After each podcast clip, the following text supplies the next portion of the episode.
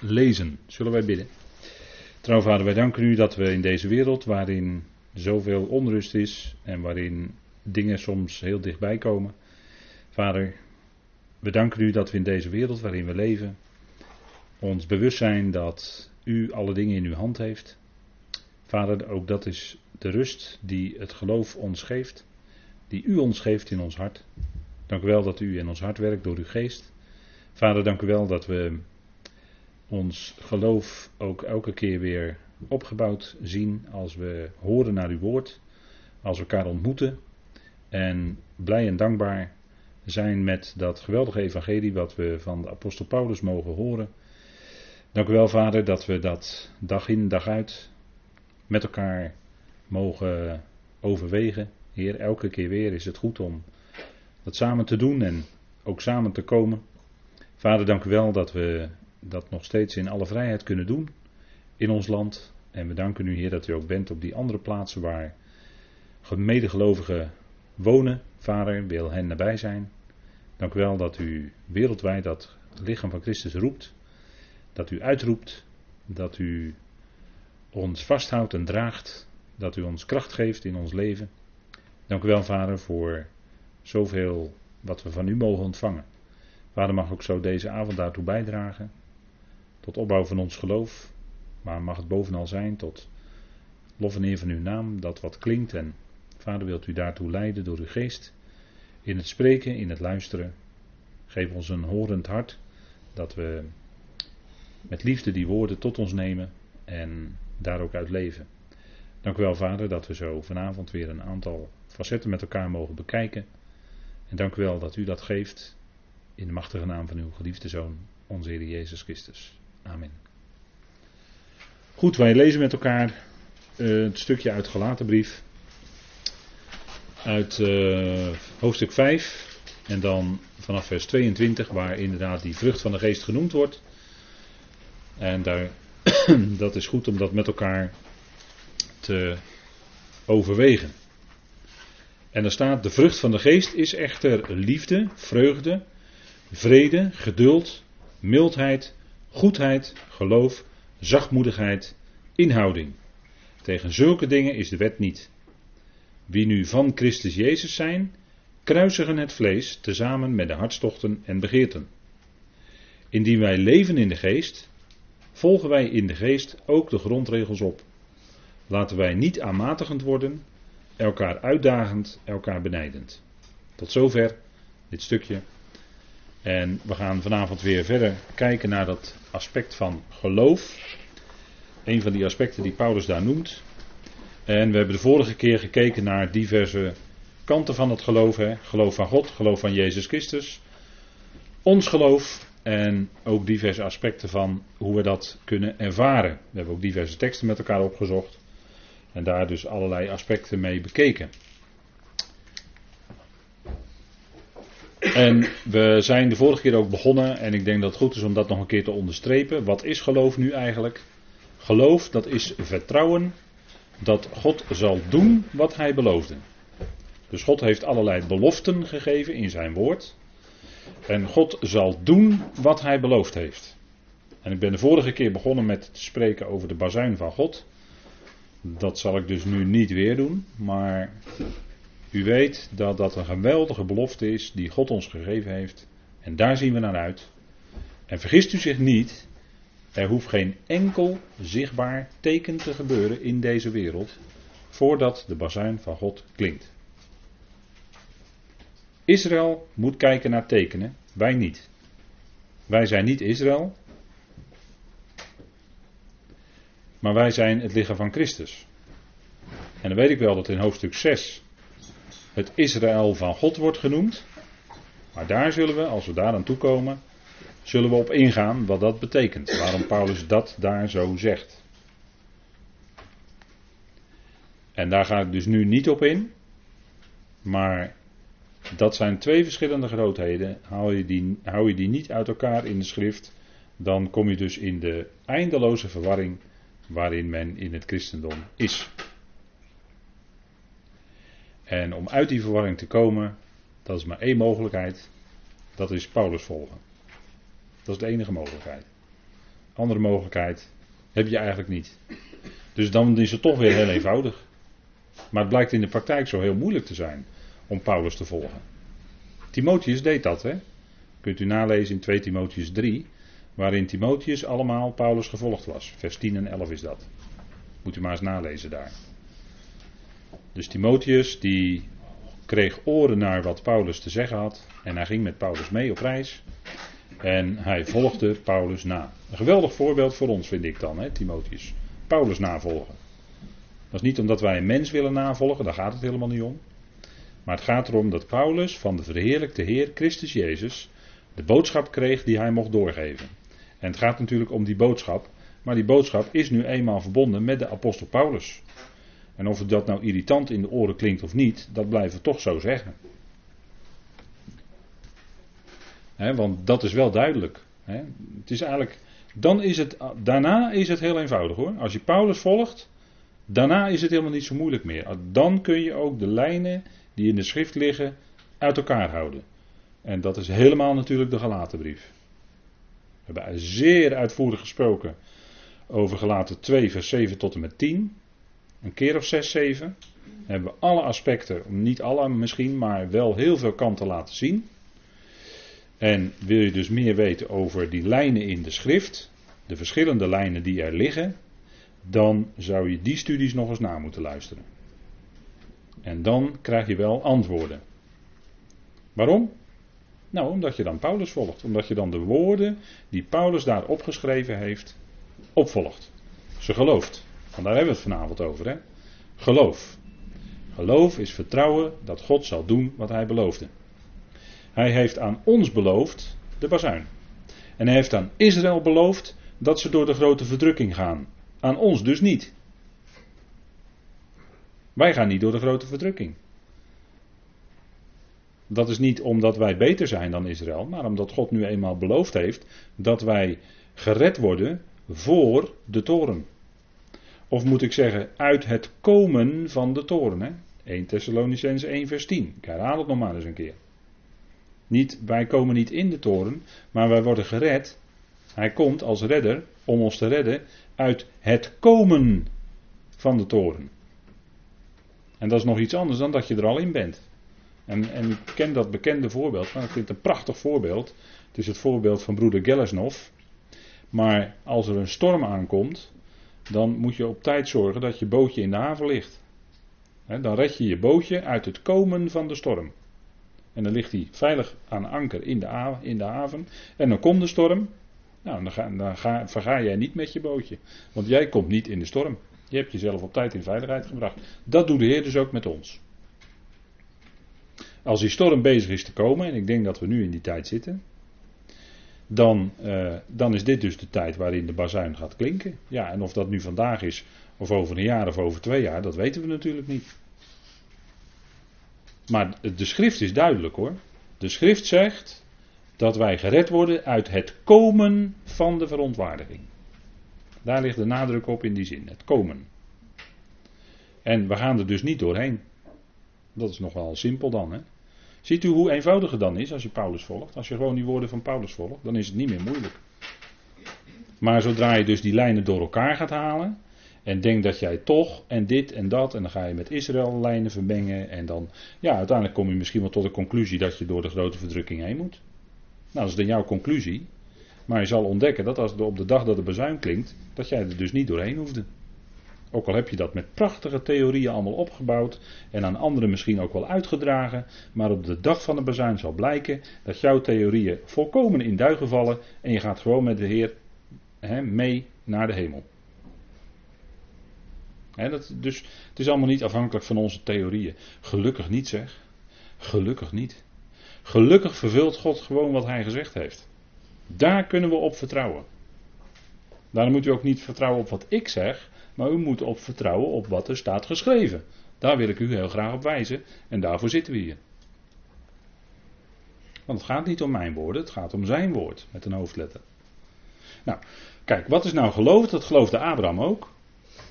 vertrouwen dat God zal doen wat hij beloofde. En als, als het wat langer duurt, ja, dan kan daar misschien bij een mens tijdelijk twijfel over ontstaan. Dat was bij Abraham en Sarah ook. En toen kwam Ismaël. ze konden niet lang genoeg wachten. Nou, toen kwam Ismaël. En daar uh, zitten we nu nog mee, zeg maar, hè, met Ismaël. Daar zitten we nog heel erg mee. dat is nog heel recent uh, flink bewezen. Kijk, we hebben het over geloof. En we waren de vorige keer eigenlijk een beetje gebleven bij gradaties van geloof. Hè? En wat was er nu bij Abraham? Bij Abraham duurde het langer. Maar, wat zegt de schrift uiteindelijk toch over Abraham? En dat werd zondag ook even heel mooi onderstreept. Hè? Dat God dan in Hebreeën 11 spreekt over het geloof. En dat is met allemaal menselijke, dat zijn allemaal mensen met hun menselijke zwakheden. Maar waarover gesproken wordt, is hun geloof en de dingen die zij in geloof hebben gedaan. Daar rekent God mee. God rekent niet met onze tekorten, maar God rekent met geloof. Nou, dat staat in Romeinen 4, dat wil ik dan even met u opzoeken. Romeinen 4. En in Romeinen 4. En dan lees ik met u even vanaf vers 18.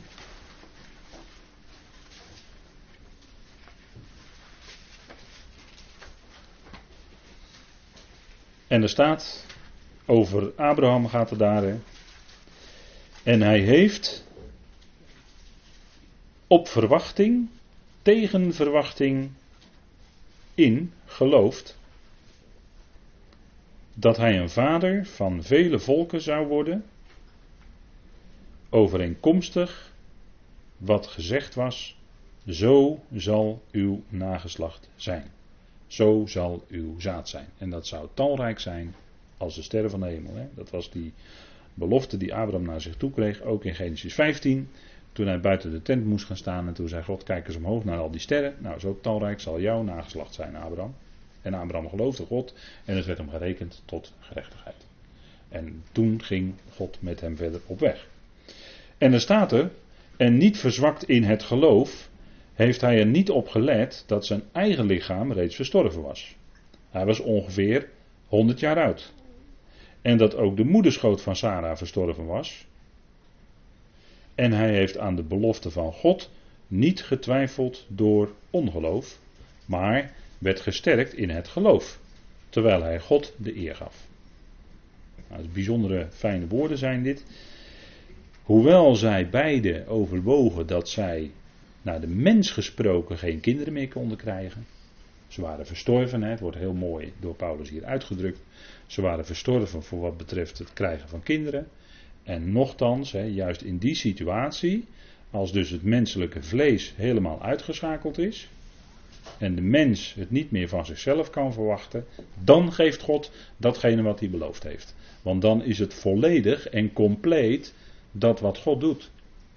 Dan kan er dus geen enkele menselijke inspanning, kan er, en dat kon bij Abraham en Sarah ook niet, kon eraan toegevoegd worden. Nee, op het moment dat dat naar de mens gesproken onmogelijk was, deed God dat wat hij beloofd had. Tegen alle verwachtingen in. En Abraham geloofde. Ook tegen alle verwachtingen in. En, want er staat in vers 20, en hij heeft aan de belofte van God niet getwijfeld door ongeloof. Wacht even. Wat is dus twijfel? Wat is dus twijfel? Ongeloof, ja, inderdaad. Twijfel is ongeloof. En tegenwoordig, hè, of tegenwoordig, dat hoorde ik eh, 40 jaar geleden ook al hoor in de kerk. Dan was het, uh, ja, je mag toch ook je twijfels hebben, werd er dan gezegd. Hè? Je mag als gelovige, moet u opletten hè, hoe het dan gezegd wordt. Je mag als gelovige toch ook je twijfels hebben. Ja, dat mag wel. Alleen je moet je wel realiseren dat twijfel een uiting is van ongeloof. Want dat staat hier, hè? Hij heeft aan de belofte van God niet getwijfeld. Door wat? Door ongeloof. Dus als er mensen zijn die zeggen: Ja, ik twijfel of het nou allemaal wel zo is hoor, wat Paulus zegt. Wat is daar dan een uiting van? Als iemand dat zo zegt. Dat weet u nu, hè? Dat hoef ik niet nog eens een keer te herhalen. Maar, kijk, Abraham werd juist gesterkt in het geloof. Hij was een gelovige en denk nou niet dat het Abrahams eigen prestatie is. Hè? Want we zijn bezig met de vrucht van de geest. Dus dat geloof werd in Abraham gewerkt door de geest van God en door niks anders. Want een mens op zichzelf kan niet uit zichzelf geloven. Dat moet God hem door zijn geest geven.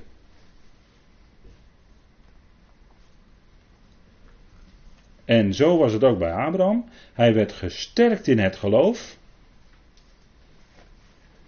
En wat, wat, wat, is dan, wat, wat is er dan aan de hand? Nou, terwijl hij God de eer gaf. Dus als jij gelooft, in, vast gelooft, vast vertrouwt op die belofte van God, dat God zal doen wat hij beloofd heeft, wat doe je dan? Dan geef je God de eer. Want hij spreekt dat woord en hij zal het ook vervullen. En als jij dat gelooft, dan geef je God de eer. En zodra je er met je eigen handjes iets aan toe wil voegen, dan ontneem je dus iets van die eer van God en wil je zelf nog een stukje eer hebben. we hebben het zondag nog gezongen, was een mooi lied. Alle roem is uitgesloten. Inderdaad, ja. We hebben geen enkele eigen roem. Nee, inderdaad, wij roemen in datgene wat God doet, wat de Zoon doet. En wij roemen dus niet op eigen vlees, dat deden die Corinthiërs wel. Het woord roemen komt ook in de Korinthebrieven heel vaak voor. Waarom? Nou, omdat Paulus we moest aanspreken op het feit dat zij zich beroemden op mensen. Ik ben van Apollos, ik ben van Kefas, ik ben van, noem maar op, welke naam, hè? Ze beroemden zich op mensen, terwijl ze zich zouden beroemen op God alleen, op Christus. En niet op anderen. En dat is hè, daar waar de mens centraal komt te staan. En we leven natuurlijk in de tijd dat helemaal de mens, hè, de humaniteit, let op dat woord. Humaniteit. De mens centraal is dat. De mens op de sokkel. Maar wij zouden alleen God de eer geven. Kijk, en wat zegt vers 21 dan hier in Romeinen 4? Want dat is heel mooi, er komt nog een verdere toelichting op hoe, hoe hij dan God de eer gaf. Hij was er namelijk ten volle van overtuigd dat God ook machtig was te doen wat hij beloofd had. Kijk, dan geef je God de eer. Als je naar voren brengt dat God bij machten is, dat God het vermogen heeft om te doen wat hij beloofd heeft. Dan geef je God de eer. Ja, en dan is de mens inderdaad, uh, ja, inderdaad. Dan moet ik toch weer denken aan de woorden van Romeinen 3. Hè. God is waarachtig. En wat is ieder mens dan? Leugenachtig, ja, inderdaad. God is waarachtig en ieder mens leugenachtig, zo is het. Mensenwoorden, ach, je kan er niet op vertrouwen hoor. Want het is vandaag zus en morgen zo. Regeringsleiders beloven vandaag iets en morgen is het weer niet waar. Of het wordt door de actualiteit onderuit gehaald of uh, anderszins. Maar daar ga ik liever niet te diep op in. Maar Abraham gaf God de eer door hem vast te vertrouwen dat hij bij machten was tegen alles wat zijn oogjes zagen en wat hij zelf ervoer zelfs in dat God bij machten was te doen wat hij beloofd had. Genesis 18 zou voor de Heer iets te wonderlijk zijn. Vers 14, hè? Genesis 18, vers 14. Zou voor de Heer iets te wonderlijk zijn? Nee, natuurlijk niet. En, en als de Heer dan aankondigt dat hij Sodom en Gomorra gaat verwoesten, hoofdstuk 19, dan gaat Abraham bidden. En als er dan vijf rechtvaardigen zijn, nou goed, dan zou God die stad niet verwoesten. En hij leidde Lot en een aantal andere rechtvaardigen. Er waren er niet veel meer. Dat, dat, dat, lijkt een beetje op onze tijd, denk ik wel eens. Maar er waren er niet veel meer. En toen ging God de hele zaak omkeren. vuur en zwavel en as. Ga er maar kijken waar Sodom en Gomorra geweest zijn. Ga er maar kijken. Kun je het nog allemaal terugvinden. Zwavel. As. Allemaal bewijzen. Dat is voor degenen die denken dat het uh, niet echt gebeurd is in hun waan. Maar dan loop je in een waan hoor, als je denkt dat dat niet echt gebeurd is. Maar kijk, bij Barnabas, dan gaan we even naar handelingen. Want er wordt ook gesproken in de schrift over veel geloof. Hè? Gradaties van geloven kan ook veel geloof zijn. Vorige keer hebben we het met elkaar gehad over weinig geloven. Hè? Dat waren die discipelen in het bootje, hè? weet u wel. Die vonden het maar raar dat de Heer achter in de boot lag te slapen. En dan zegt hij tegen ze van, nou, weinig kleingelovigen, hè? kleingelovigen. Ze zagen op de wind en op de, op de golven enzovoort. En ja, toen zei de Heer, kleingelovigen. Hè? Maar ik, er kan ook veel geloof zijn. En dat is Handelingen 11. Dat zoeken we even met elkaar op. Het staat op de dia, dus als u later deze, dit hoort, dan kunt u de dia's erbij pakken voor de tekstverwijzingen. En er staat in vers 24, en dat gaat over Barnabas. En in het begin gingen Barnabas en Saulus op weg, hè, weet u wel. En dat moet denken aan die musical hè, die er ooit was. Paulus en Barnabas, weet u het nog? Als ik het zo zeg, dan hoort u gelijk de melodie weer in uw hoofd. Hè? Dat heb ik dan. Paulus en Barnabas brachten de boodschap. Paulus en Barnabas brachten het woord. Dat was nog eens een mooie musical in, in, eh, in, uh, daar uh, verder weg, hè, vlak bij Utrecht. Dat waren nog eens tijden. Hè? Nou, um, kijk, Barnabas die ging uit samen met Saulus. En dan staat er in vers 23 van Handelingen 11. En toen hij, Barnabas, daar gekomen was en de genade van God zag, werd hij verblijd. Kijk, dat is mooi hè. Hij zag de genade van God, die daar werkzaam was, en het verblijde hem. Want dat is wat genade ook eigenlijk is. Hè? Garis is eigenlijk vreugde, blijdschap. Dat is eigenlijk de grondbetekenis van het woord gara. Hè, waar garis heel deeg tegenaan ligt. Dat is genade. En Barnabas zag die genade die aan die gemeente gegeven was. En hij verblijde zich. En dat is ook wat ons eigenlijk zou kenmerken. Hè? Blijdschap. Vreugde. Als elkaar ontmoeten, dat het dan blijdschap is. Waarom? Omdat je elkaar ontmoet. En je weet van elkaar, je leeft met het evangelie van Paulus, je leeft met die genade. En dan is het fijn om elkaar als medegelovigen te ontmoeten. Dat is bemoedigend. Dat is opbeurend. Als het goed is. En het kan wel eens zijn dat die vreugde en blijdschap een klein beetje op de achtergrond raakt. Als er sprake is van innerlijke strijd in een gemeente. Dat kan. Dat kan. En dat gebeurt dan ook. Maar wij zouden, hè, als gelovigen, die de genade van God mogen kennen en, en daarin leven zelfs, wij zouden gekenmerkt worden door blijdschap, door vreugde. Dat is toch een vrucht van de geest ook. Hebben we al behandeld, maar dat is vrucht van de geest. Dat blijft gewoon staan. Hè. En ondanks de tegenstand, doorgaan, want het woord van God is niet gebonden. Het woord van God is niet gebonden. Ik herhaal het nog maar een keer. En Barnabas die verheugde zich over de genade van God die hij zag daar in die gemeente in Antiochië. Hij, ver, hij verblijdde zich en hij spoorde hen allen aan om met een hartelijk voornemen bij de Heer te blijven. En weet u wat dat is, bij de Heer blijven? Dat is ook bij zijn woord blijven. Dat is niet alleen, uh, hè, niet alleen zeggen dat je bij de Heer blijft, maar dat betekent ook dat je bij zijn woord blijft. Hè, dat zei de Heer toch ook tegen zijn discipelen. Hè, jullie blijven in mij wanneer jullie in mijn woord blijven. Dat zei hij in die hele ernstige woorden in de opperzaal. Johannes 14 denk ik dan aan. En in Johannes 15 klinkt ook: Jullie zijn rein om het woord wat ik tot jullie gesproken heb.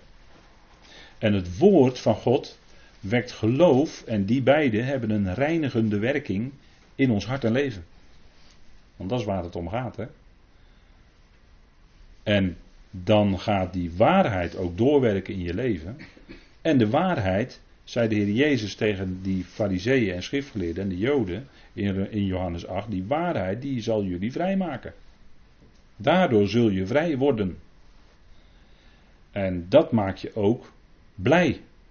Als je verlost bent van slavernij. Als je losgemaakt bent uit gevangenschap.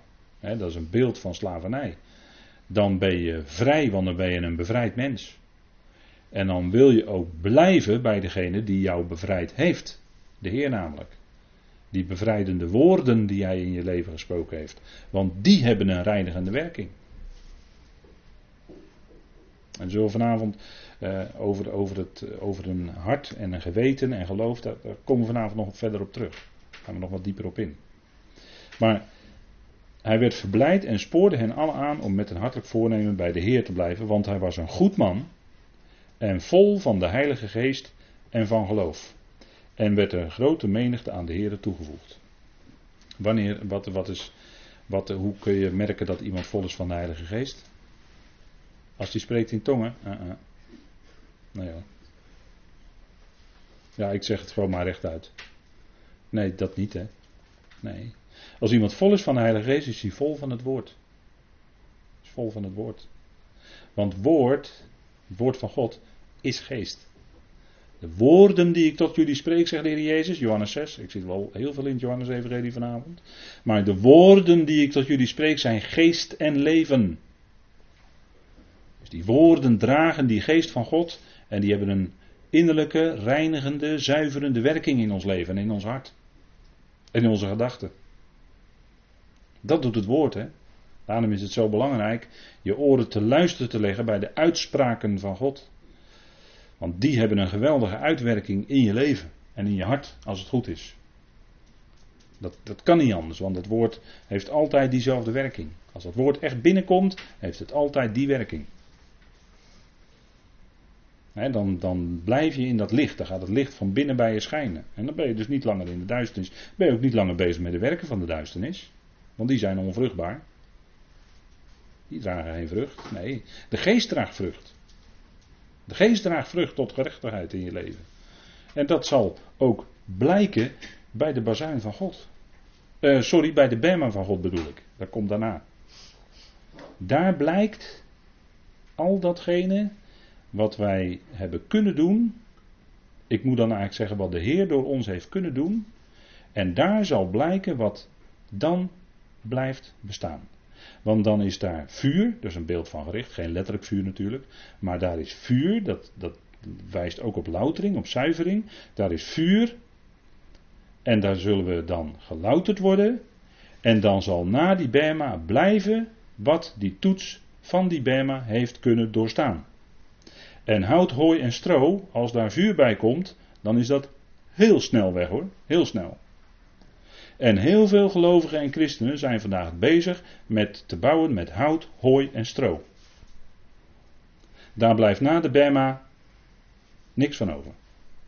Zij wel, want zij zijn daar ook. Maar van hun werken en waar zij zo ijverig mee bezig zijn geweest, blijft niks van over. Waarom niet? Omdat zij vaak bezig waren in dat andersoortige evangelie waarvan Paulus zegt dat dat geen evangelie is. En dat draagt dus geen vrucht en zal geen blijvend, blijvende dingen achterlaten na de Bema. Want dat bouwt niet. Dat is hout, hooi en stro. Maar we zouden bouwen met datgene waar we in deze tijd werkelijk mee bouwen. Dat is het evangelie wat Paulus verkondigde. En dat is ook een kwestie van ons geloof. Want dat is heel wezenlijk, is het met ons geloof verbonden. Ja, dat zijn. En, en dat is wat we graag, waar we graag mee willen bouwen. Nou, kijk, Barnabas was een man, een goed man staat er, van veel geloof. Hij heette eigenlijk ook Jozef, hè? Jozef.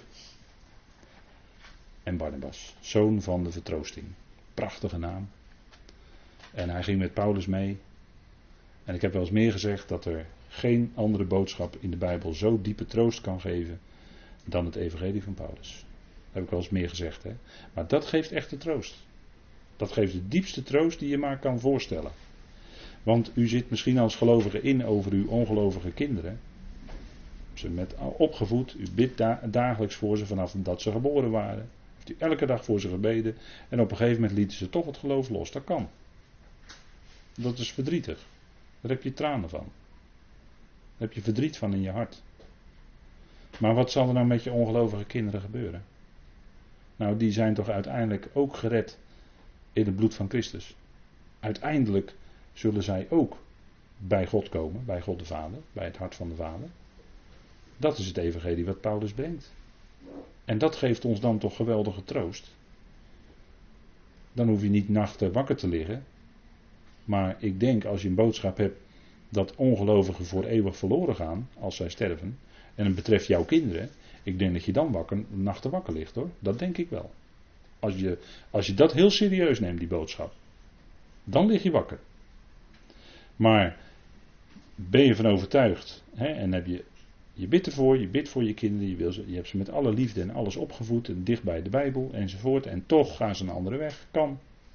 Want God heeft geen kleinkinderen. Je kan ze niet automatisch het geloof geven. Dat zou je wel willen, dat je het zo in kon gieten, maar dat kan niet. Want dat is een werk van de geest.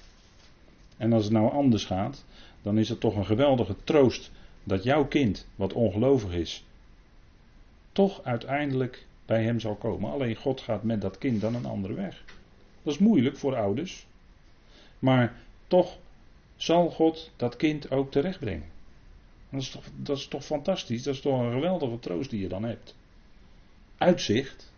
Nou, ik denk dat dat, dat, dat, dat wezenlijk is. Hè? Dit, zijn, dit geeft wezenlijke antwoorden op vragen waar veel gelovige mensen vandaag de dag mee worstelen.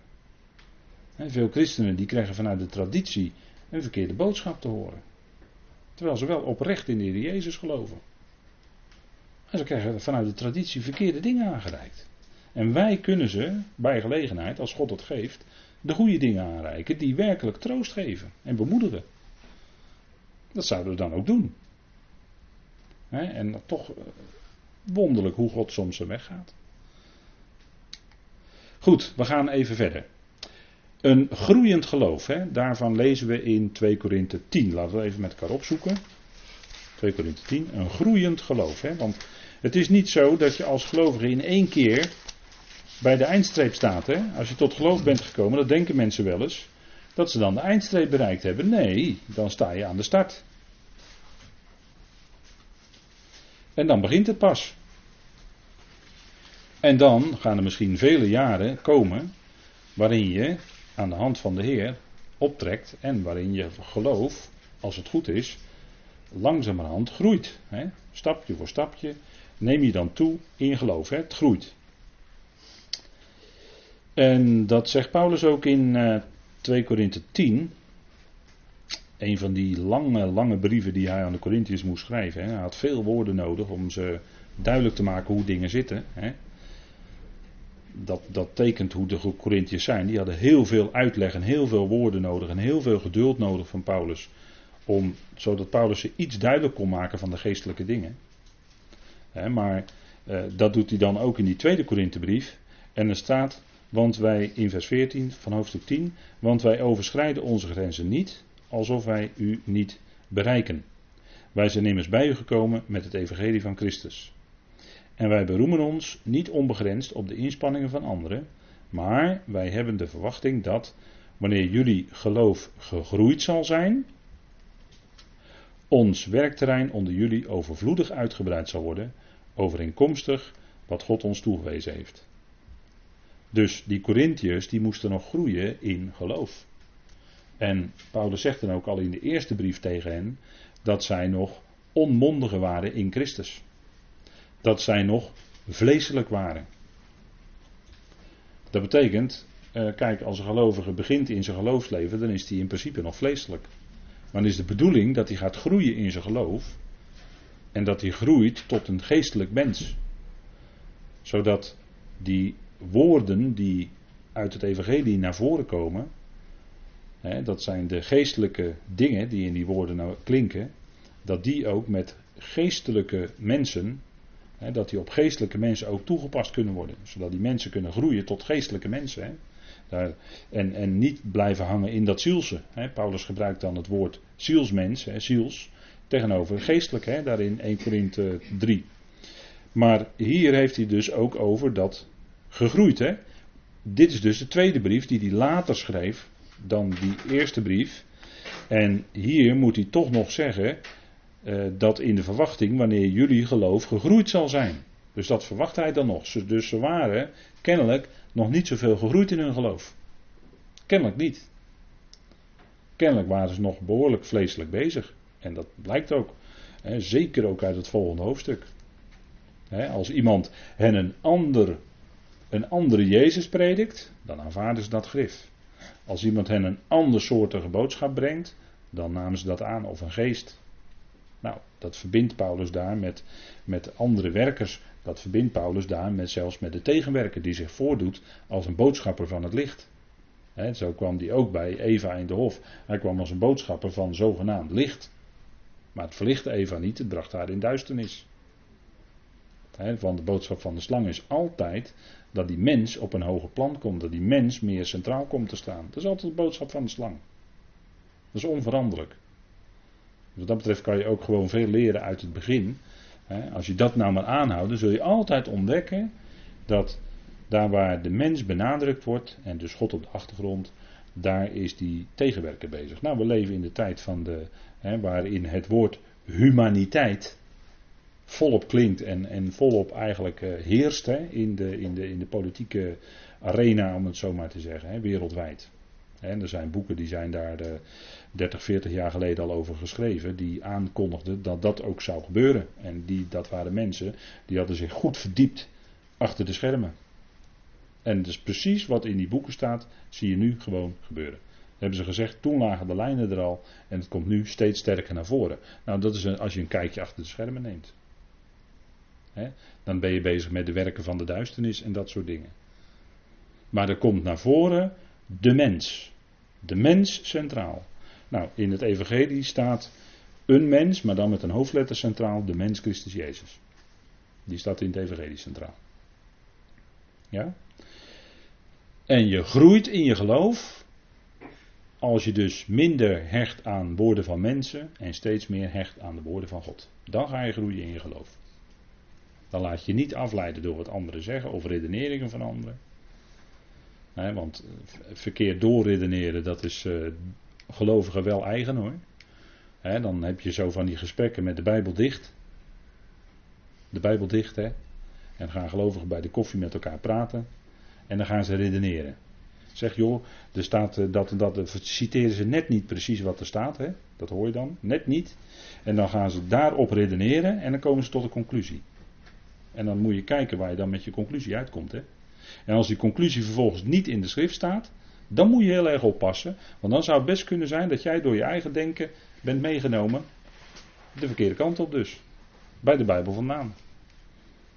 maar als je nou spreekt met elkaar en je hebt het over Bijbelse onderwerpen, doe dan ook gewoon met elkaar de Bijbel open. Ik bedoel, je bent toch allebei gelovigen? Dan zet je die koffie even opzij, dan kan je die niet morsen op je Bijbel. En dan doe je de Bijbel open en dan ga je gewoon met de open Bijbel met elkaar praten. Is ook wel eens leuk als je een koffie drinken bent hoor. Maar goed, groeiend geloof hè. En dan heeft hij het in 1 Thessalonicense over het geloof naar God toe. Want ons geloof zou zich dus richten op God. Hè? Dat was ook bij die Thessalonicense aan de hand. En 1 Thessalonicense 1 en misschien, ja, 2 Thessalonicense zie ik ook staan, dus misschien kunnen we daar ook nog even naar kijken. 1 Thessalonicense 1. Een, waarschijnlijk de eerste brief die Paulus geschreven heeft. Vandaar dat ook daarin de bazuin genoemd wordt. Gelijk eerste brief van Paulus. Gelijk verwachting bazuin. Andere verwachting dan Israël dus. Eerste brief die hij schreef. Dus dan ben je gelijk klaar. Dan is het ook niet moeilijk meer. Wat is je verwachting? Bazuin van God. Ja, maar er staat toch dit en er staat toch dat en dat teken en dit teken. Ja, dat is allemaal voor Israël. Dat, dat is ook simpel, hè? Het is allemaal niet zo moeilijk hoor. En er staat dan in vers 8, 1 Thessalonicense 1 vers 8, want van u uit heeft het woord van de Heer luid geklonken, niet alleen in Macedonië en Achaïe, maar ook in alle plaatsen heeft jullie geloof in God zich verspreid, zodat het niet nodig is dat wij iets daarvan zeggen. Nou, dat is nou wat je noemt hè, geweldig geloof naar God toe. Hè? Geloof dat zich richt op God. Hè, het is niet alleen geloof in God, maar het is in feite God geloven. Dat is wat wij doen. En wat is God geloven? Dat is geloven wat Hij zegt. Dat is niet vaag geloven dat er wel iets is. Dat is het zogenaamde ietsisme. Heeft iemand dat wel eens genoemd? Dat is niet van mij hoor. Dat echt niet, want ik heb niks van mezelf. Ik lees het allemaal bij anderen. Maar ietsisme, iets. Dan, denk, dan zeggen mensen, ja, ik geloof wel dat er iets is. Ja, maar dat is, dat is zo ongrijpbaar. Hè? Maar concreet is dat wat God zegt, dat wat God spreekt. En als die Bijbel open gaat, ja, dan hou je vast aan die woorden van God. En dan uh, gaat de traditie opzij. En daar zit voor veel mensen een enorm probleem. Ze zijn opgegroeid met kerkelijke of evangelische of wat, van de, wat voor dan ook tradities. En om die tradities nou los te laten, dat kost oh zoveel moeite. Hè? Mensen zitten daar zo in vastgeroest. Is ze met de paplepel ingegoten en dan kan je er ook niks aan doen. En in, in allerlei liederen wordt dat natuurlijk uitgezongen. Hè? Want in de kerk eh, zing je dan de beleidenis van het geloof. Dat heb ik ook gedaan hoor, in de kerk, de beleidenis van het geloof gezongen. Ik weet waar ik over praat. Maar in die beleidenis staat niet wat Gods woord zegt. Dat staat er niet. Die beleidenis wijkt af van Gods woord. Ja, dat is dan jammer voor die beleidenis. Maar het gaat om zijn woord. Hè? Nou, in 2 Thessalonicense wordt gesproken over een florerend geloof. Hè? Zou je kunnen zeggen. als je geloof floreert, nou dan, dan groeit het. Hè? En dan schrijft Paulus in uh, 2 Thessalonicense 1 vers 3. Moeilijke brief hoor, 2 Thessalonicense. Dat eerste hoofdstuk. Oeh, dat is uh, moeilijk hoor. Dat is echt moeilijk. Daar kost je wel een paar avonden om daar uh, iets van uh, te gaan verstaan. En het tweede hoofdstuk trouwens ook, dat is ook niet makkelijk. Maar in vers 3 van hoofdstuk 1 staat: Wij moeten God altijd voor jullie danken, broeders, zoals het behoort, omdat jullie geloof buitengewoon sterk groeit en de liefde van ieder van jullie allen tot elkaar steeds toeneemt. Oh, wat geweldig is dat, hè? Wat geweldig is dat. Als het zo het geloof uitwerkt bij gelovigen, bij in een gemeente. Hè, dat het geloof sterk toeneemt. En dan kan het niet anders, dan is die onderlinge liefde, die neemt ook sterk toe. Dat kan niet anders. Want dat geloof heeft natuurlijk alles te maken ook met de liefde van God. We geloven het evangelie. Wat, komt daarin, wat staat daarin centraal? De liefde van God. Die geest werkt in ons. Dat is de geest van Gods liefde. God is liefde. Dus als zijn geest in ons werkt, moet zijn liefde in ons werken. Dat kan niet anders. En dan moet dat ook tot uiting komen in de onderlinge band als gemeenteleden met elkaar.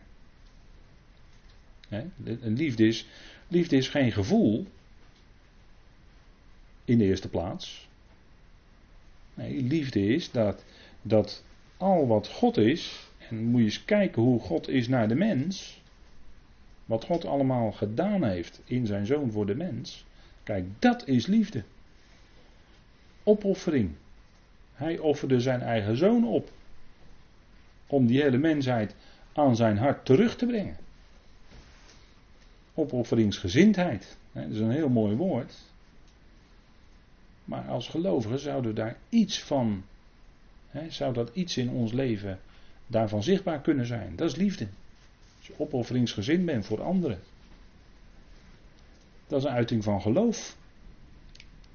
dus dan is geloof, ja, dat geloof, natuurlijk geloof is uh, allereerst geloven in de woorden van God, maar dat uit, uitzicht dan ook in de praktijk natuurlijk.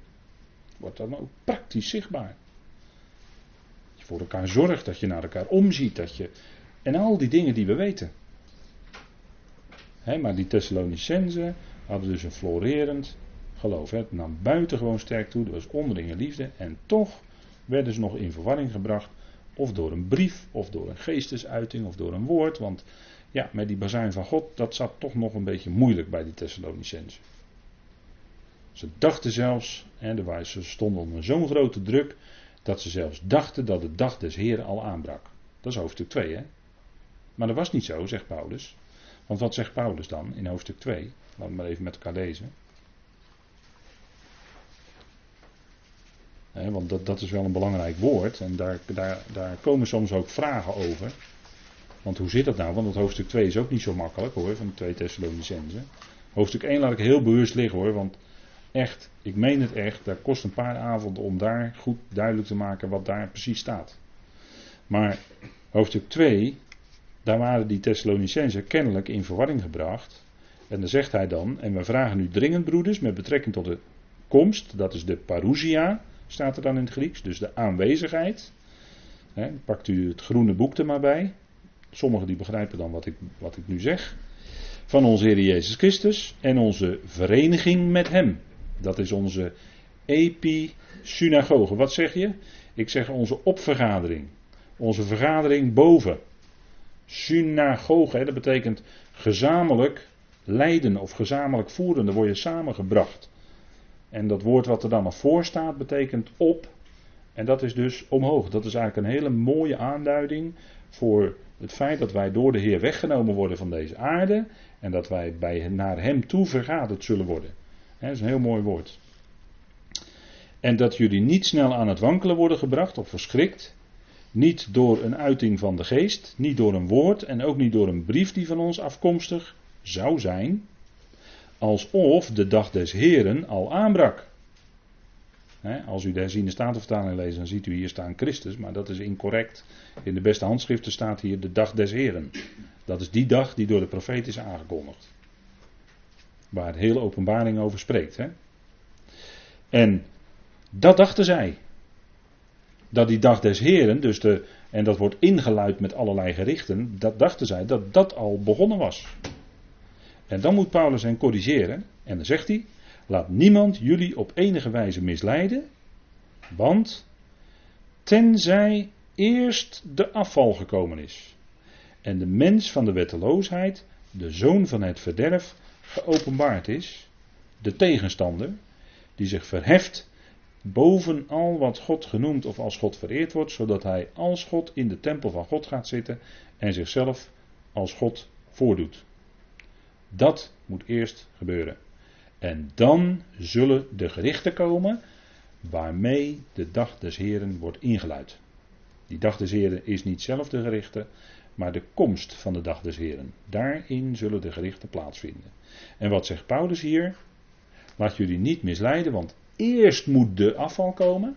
Eerst moet die mensheid, die mens der wetteloosheid aanvaarden, de wetteloze. En die zal dan in de tempel van God gaan zitten en zich als God laten aanbidden. En dan zal iedereen ook het beeld van het beest en het beest moeten aanbidden. En nu trek ik even heel snel door naar de openbaring. Maar eerst moet dus die afval komen. En dan pas de dag des Heren. En Paulus had dan al lang duidelijk gemaakt dat zij als Thessalonicense die dag en de komst van die dag niet zouden meemaken, want de bazuin had hij in zijn eerste brief al gezegd. Uit het komen van de toren, 1 Thessalonicense 1. Uit wij zijn gesteld tot redding en niet tot verkrijging van verontwaardiging. 1 Thessalonicense 5 vers 9 en 10. Had hij allemaal gezegd, dus in die eerste brief. Eerste bazuin. En dan pas komen de gerichten, dan pas komt de verontwaardiging. En daarna komt pas de dag des Heren. Dat is de volgorde. En hier, daar roept hij die Thessalonicense door deze brief weer bij terug. Door te zeggen, eerst moet de afval komen. Dan zal die wetteloze zich in de tempel van God zetten. En dan pas zal de dag des Heren gaan aanbreken in gerichten. Maar daarvoor dat alles gaat gebeuren, klinkt de bazuin en dan wordt de weerhouder, waarin het tweede hoofdstuk over gesproken wordt, dan wordt de weerhouder uit het midden weggenomen, dat is de gemeente. En als die is weggenomen, dan kan die wetteloze zich onthullen. Dat is de volgorde van de gebeurtenissen. En die afval, daar verwijst Paulus naar Daniel, dus hij had kennelijk daar ook het boek Daniel aan hun onderwezen. Daniel 8, waar staat dat de waarheid op de aarde zal worden geworpen. Dat is de afval. Dan zal de waarheid op de aarde worden geworpen, met andere woorden. De leugen zal regeren. De leugen regeert. Vandaag de dag. Want God is waarachtig en ieder mens leugenachtig. En zet je dus de mens centraal, wat krijg je dan? Ja? Duidelijk hè? Ja, de leugen. Ik denk dat dat ook allemaal niet zo moeilijk is. Kijk, weer een heel ander aspect. Hè. We gaan even terug naar de lijn van diverse aspecten van geloof bekijken. De wet, of Torah, hè. velen zeggen dan, ja, ik, hoor liever het woord Torah, maar ja, daar heb ik toch een beetje moeite mee. Waarom? Omdat als Paulus het woord wet gebruikt, wat, wat dan vaak in onze vertaling als wet vertaald is, dan gebruikt hij het Griekse woord nomos. En nomos is echt een woord dat, dat kun je het beste vertalen met wet. Het woord onderwijzing namelijk in het Grieks is niet. Hè, kijk, ze zeggen dan ja, hij bedoelt eigenlijk de Torah, maar het woord Torah betekent onderwijzing. En in het Grieks is het woord voor onderwijzing didaskalia. Ja, dus dat woord gebruikt Paulus niet, hij gebruikt het woord nomos. Waarom? Hij verwijst daar naar de, het mosaïsche systeem met allemaal inzettingen, geboden, verboden enzovoort. Dat doet hij dus heel onder leiding van Gods geest, heel bewust. Dus toch een beetje moeite mee om nog steeds het woord wet te wijzigen in Torah.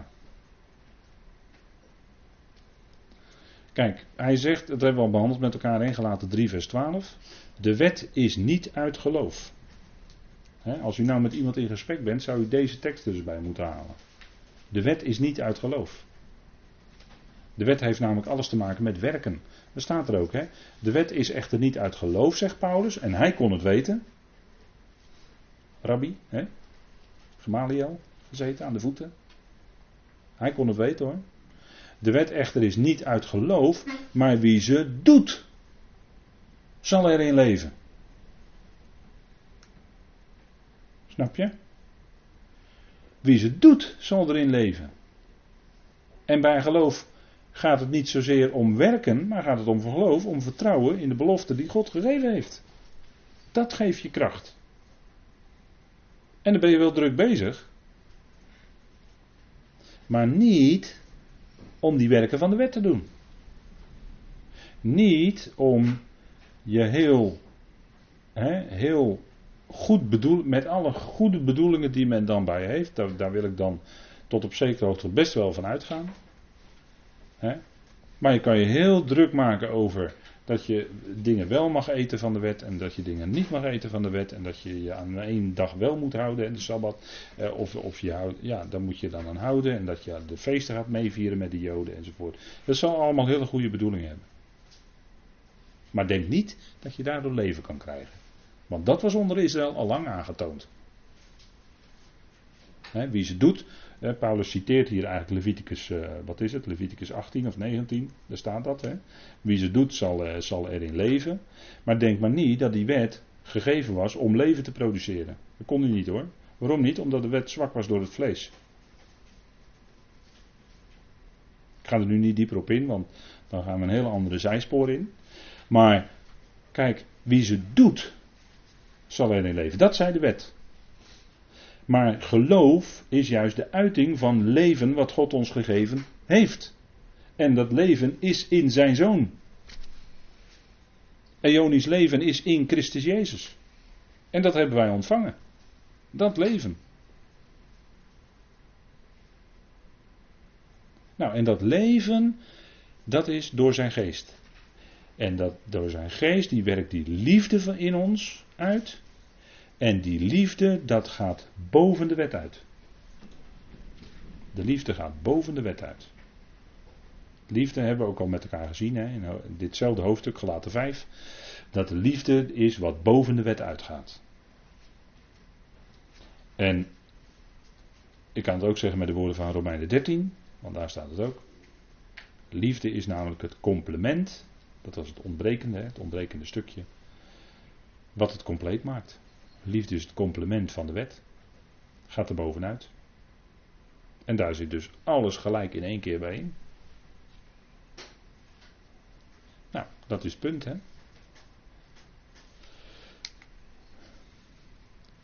Kijk, uh, God, en ik kom er straks nog een keer op terug, omdat ik dit een heel belangrijk punt blijf vinden. God deelt geloof toe. Dat staat in Romeinen 12 als, eh, als wij gelovigen zijn, dan kunnen we nooit zeggen van uh, kijk eens, wij gelovigen. en ondertussen slaan we, slaan we ons onzichtbaar onszelf op de borst. Hè. Kijk eens, wij gelovigen. Nee hoor. God deelt geloof toe. God deelt geloof toe. Dat zegt Paulus in Romeinen 12, vind ik een hele belangrijke tekst ook. In vers 1 en 2 ook hoor, van Romeinen 12, maar nu even vers 3. Want door de genade die mij gegeven is, zegt Paulus. Aan Paulus was heel veel genade gegeven, apostelschap en een hele bediening. En, en dat was heel veel genade, had Paulus ontvangen. Want door de genade die mij gegeven is, zeg ik aan ieder onder jullie, niet hoger gezind te zijn naast wat jullie gezind moeten zijn. En er staat echt het woord moeten in het Griekse grondtekst. Maar gezind te zijn tot een gezonde gezindheid. Dat is wel heel nadrukkelijk hè? als Paulus begint over de wandel te spreken in Romeinen 12. Hij is net aan het begin van die hoofdstukken. Dan heeft hij het heel nadrukkelijk over die gezindheid. Een gezonde gezindheid. Wat is dat voor ons? Een gezonde gezindheid. Ootmoedigheid. Dat is gezond. Dat, dat is hè. En een gezonde gezindheid ten opzichte van Gods woord is er een van ootmoedigheid. Ootmoedige houding ten opzichte van allereerst Gods woord. En als je dat niet hebt, dan kom je niet zoveel verder, vrees ik. Maar God heeft mensen gegeven in de loop van de geschiedenis, die echt hun leven hebben gegeven, en dan zeg ik niks te veel, die hun leven hebben gegeven voor Gods woord. Daar heb ik heel diep respect voor. Niet, maar dan dank ik God, want God in die mensen heeft bewerkt. Want het is allemaal Gods werk. maar mensen die hun leven hebben willen geven voor Gods woord, en dat gebeurde ook zelfs in de tijd van de Reformatie hoor. Dat ze hun leven ermee op moesten bekopen dat ze de Gods woord vertaalden in de taal van de mensen. Dat de mensen zelf de Bijbel konden gaan lezen. Hebben mensen die dat hebben gedaan, hebben letterlijk hun leven daarvoor moeten geven. Nou, als je leven geeft voor Gods woord, dan, ja, nou, dat, is, dat is wat hoor. Dat is wat. Maar gezond te zijn tot een gezonde gezindheid, zoals God aan elk de mate van geloof, en ik heb hier bijgezet slash trouw, want het woord geloof is ook trouw in het Grieks. Aan elk de mate van geloof slash trouw toedeelt. Maar let op, God deelt aan ieder de mate van het geloof toe. En het neemt niet weg dat wel degelijk de lijn is, zoals die ook nu net geklonken heeft, dat wij zouden groeien in ons geloof. Natuurlijk, daar is alles op gericht. Dat de gelovigen groeien in hun geloof. Tuurlijk. En het, het, het, het, punt waar ieder is, dat is de mate van het geloof op dat moment. En dat heeft God dan tot op dat moment gegeven. En dan gaat het toch steeds door om erop uit te zijn dat het geloof groeit. Dat het geloof toeneemt. Dat het geloof sterker wordt. Dat het geloof niet meer, op een gegeven moment niet meer zwak is, maar sterk. Daar hebben we vorige keer even bij stilgestaan. Hè? Wat is nou sterk en wat is nou zwak in het geloof? Ga ik niet herhalen, hebben we vorige keer al gedaan.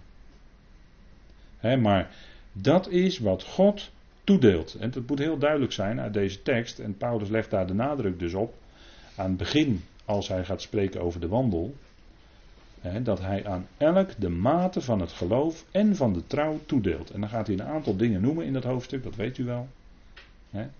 Wie dient in het dienen, wie blijmoedigheid, wie barmhartigheid bewijst in blijmoedigheid. En al die facetten, weet u wel. Maar dat heeft allemaal te maken met de mate van geloof en trouw die God toedeelt. En nou goed, dat is heel fijn. Dat, dat geloof, dat, dat werkt automatisch ook trouw uit. Geloof in het woord van God betekent ook trouw zijn aan het woord van God. Dat is hetzelfde. Goed, nou, daar kunnen we even over met elkaar praten bij een kop koffie. Gaan we even pauzeren.